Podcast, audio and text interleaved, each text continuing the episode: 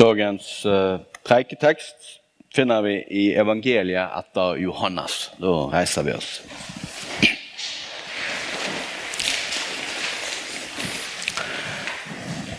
Døyperen Johannes ser Jesus komme gående mot seg og sier Se, Guds lam som ber bort synder i verden. Det var om han jeg sa, etter meg kjem det en mann som er kommet før meg, for han var til før meg. Jeg visste ikke hvem han var, men for at han skulle bli åpenbærer for Israel, er jeg kommet og døypa med vann. Og Johannes vitna og sa, Jeg så anden dale ned fra himmelen som en due, og anden ble værende over han. Jeg visste heller ikke hvem han var, men han som sendte meg for å døype med vann, han sa til meg:" Den du ser anden daler nedover og blir værende over, han er det som døyper med Den hellige ande. Og jeg har sett det, og jeg har vitna. Han er Guds sønn. Slik lyder det hellige evangeliet.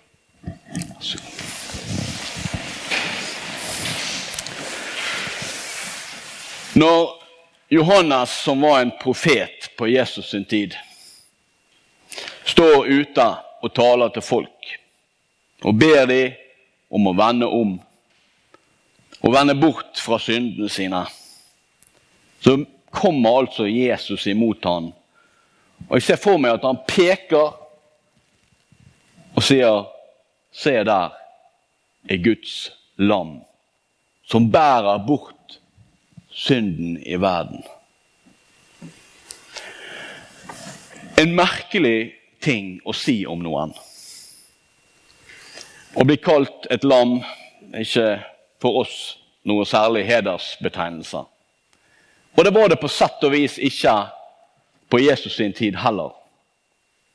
Men når Johannes peker ut 'se Guds lam', så renner det en forståelseshorisont igjennom alle som hører på. For de vet hva Guds lam er for noe.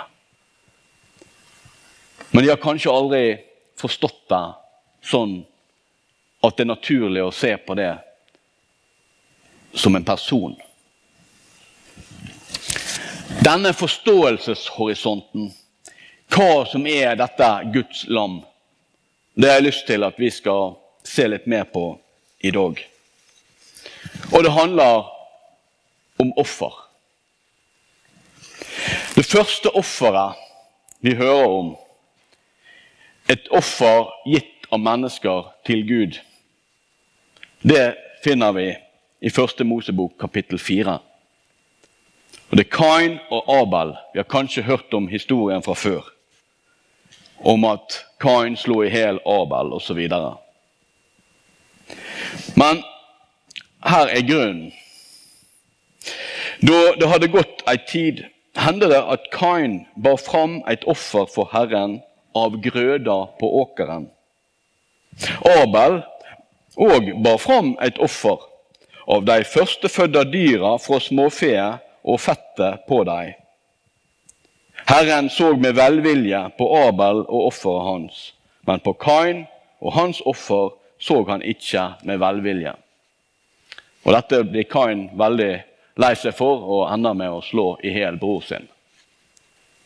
Men her ser vi at urmenneskene, som på mange måter Kain og Abel representerer, så var det vanlig eller naturlig for mennesker å gi offer til Gud.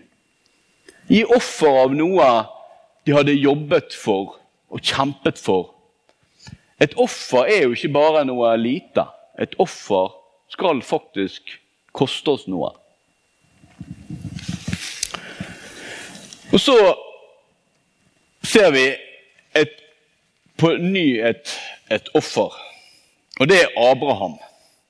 Abraham som er stamfar for, ja, for, i alle fall for jøder og muslimer. og for, Vi tenker på mange måter han som vår stamfar òg. Han sleit i lag med sin kone med å få barn. Så fikk de én sønn sammen i gammel, gammel alder. Isak. Isak, hans eneste mulighet for å bringe slekten hans videre. Og så vil Gud teste Abraham. Og så ber han om et offer. Hva ber han om? Jo, han ber om sønnen Isak som offer. Og Dette er jo egentlig for oss vil jeg tro, og kanskje for mennesker i alle tider egentlig en grusom fortelling. At Gud skulle ønske et sånt offer, et menneske, et barn, et, et uskyldig barn. Men jeg tror at Gud aldri hadde spurt Abraham om han ikke visste at han ville si ja. Og han hadde ikke spurt han heller hvis han ikke visste sjøl at han ville avbryte dette offeret. Gud hadde aldri ønske om at Isak skulle dø. Og Det som skjer når Abraham skal til å ta og ofre sin egen sønn for Herren, så sier jo Herren stopp.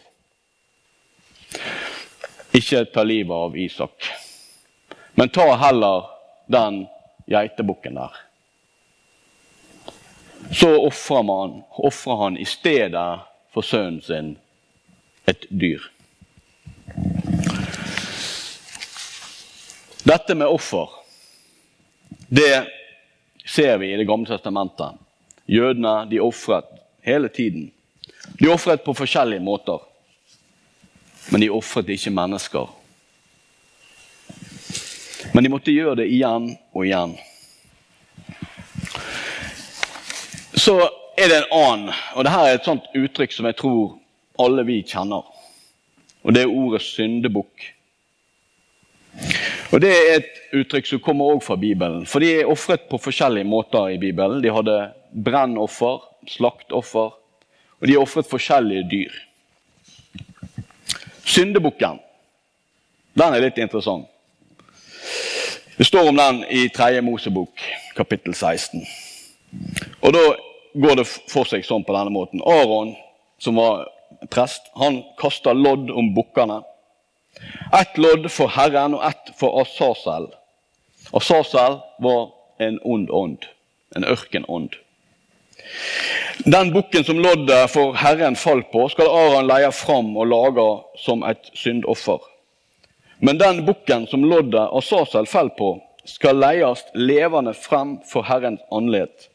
Ved han skal det gjøres soning når han blir sendt ut i ørkelen til Asasel. Så denne syndebukken, den skulle de si alle syndene til folket på, legge på hodet og sende han ut i ørkenen til djevelen. På den måten så skulle folkets synder bæres av dette dyret ut og til der synden hører hjemme. Og Jeg syns det er litt, litt sånn spennende. Fordi hva skjer etter at Johannes har pekt ut Jesus, og han har døpt han, Den hellige ånd viser seg og blir ved Jesus? Hva skjer da? Jo, vi leser om det i Lukasevangeliet, i Matteus og i Markus. Der står det Fylt av Den hellige ande kom Jesus tilbake til Jordan, og anden førte han omkring i 40 dager i øydemarka, der han ble freista av djevelen. Og her, Allerede her, tidlig i Jesus sin, sin virketid, så ser vi at han er vår syndebukk. Han blir drevet ut i ødemarken, og han må møte djevelen. Se der Guds land som bærer bort synden.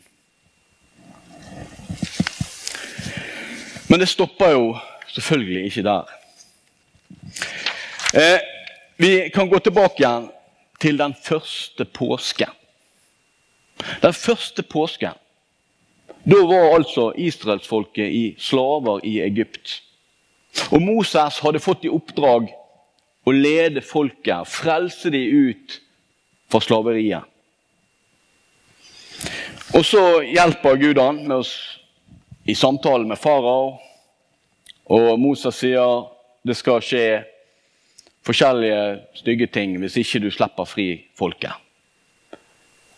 Det skal komme en sverm med gresshopper. Det skal bli uår. Men faraoen hører ikke etter. Og Så er det som om at Gud sier nei, men her må vi virkelig klemme hardt til for at han skal slippe dere. Nå skal vi true med å sende en dødsånd som skal ta livet av alle førstefødte i landet. Og til og med med en sånn trussel så vil ikke farao slippe fri folket. Og da får altså Moses ordre om å ta et, et lam uten lyte og ta blodet fra det. Ofre dette lammet, ta blodet og streke på dørstolpene til israelittene, sånn at dødsånden skal gå forbi. Med dette blodet så reddes livet til israelittene, og de får friheten. Og dette har Jødene de har feiret dette her. År etter år etter år. I generasjoner har de markert påskemåltidet. Der lammets blod frigjør de. De blir fri. De blir reddet. De får livet. Og så kommer vi til Jesus, og han er samlet med sine disipler, og de feirer påskemåltider. Så snur han helt om på ting. Og så sier han det er jeg som er lammet som skal slaktes. Det er mitt blod som skal sette dere fri. Det er det jeg skal gjøre, som skal redde dere. Og De skjønte ikke det der og da, men noen dager seinere så gir Jesus livet sitt på korset. Og da klinger disse ordene som vi hørte fra Jesaja-boka.